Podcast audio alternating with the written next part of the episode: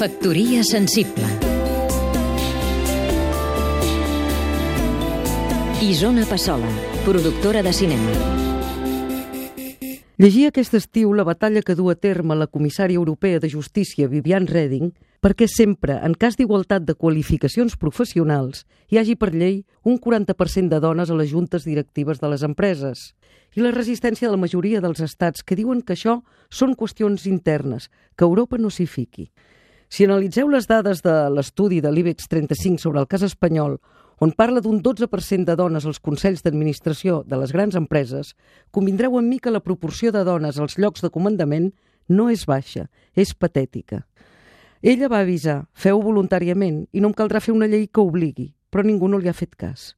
Au, Vivian, corre a deixar-nos-ho resol, que venen eleccions i tu cauràs i l'oportunitat de demostrar al món els valors igualitaris europeus se n'anirà a Norris. Perquè allà on la idea d'Europa té un sentit profund, no és només en la societat del benestar que, sens dubte, és la més gran conquesta de la humanitat de tots els temps, sinó en el respecte per l'altre, que no vol dir res més que considerar-lo igual que tu. I això en un moment que els valors religiosos i culturals de les tres quartes parts del planeta són tan profundament masclistes, té un valor simbòlic enorme. Evidentment que les quotes de gènere no agraden a ningú. A mi tampoc, però els resultats que proporcionen han demostrat que són l'únic camí perquè l'Europa dels drets humans ho sigui amb tota la seva plenitud exemplificadora.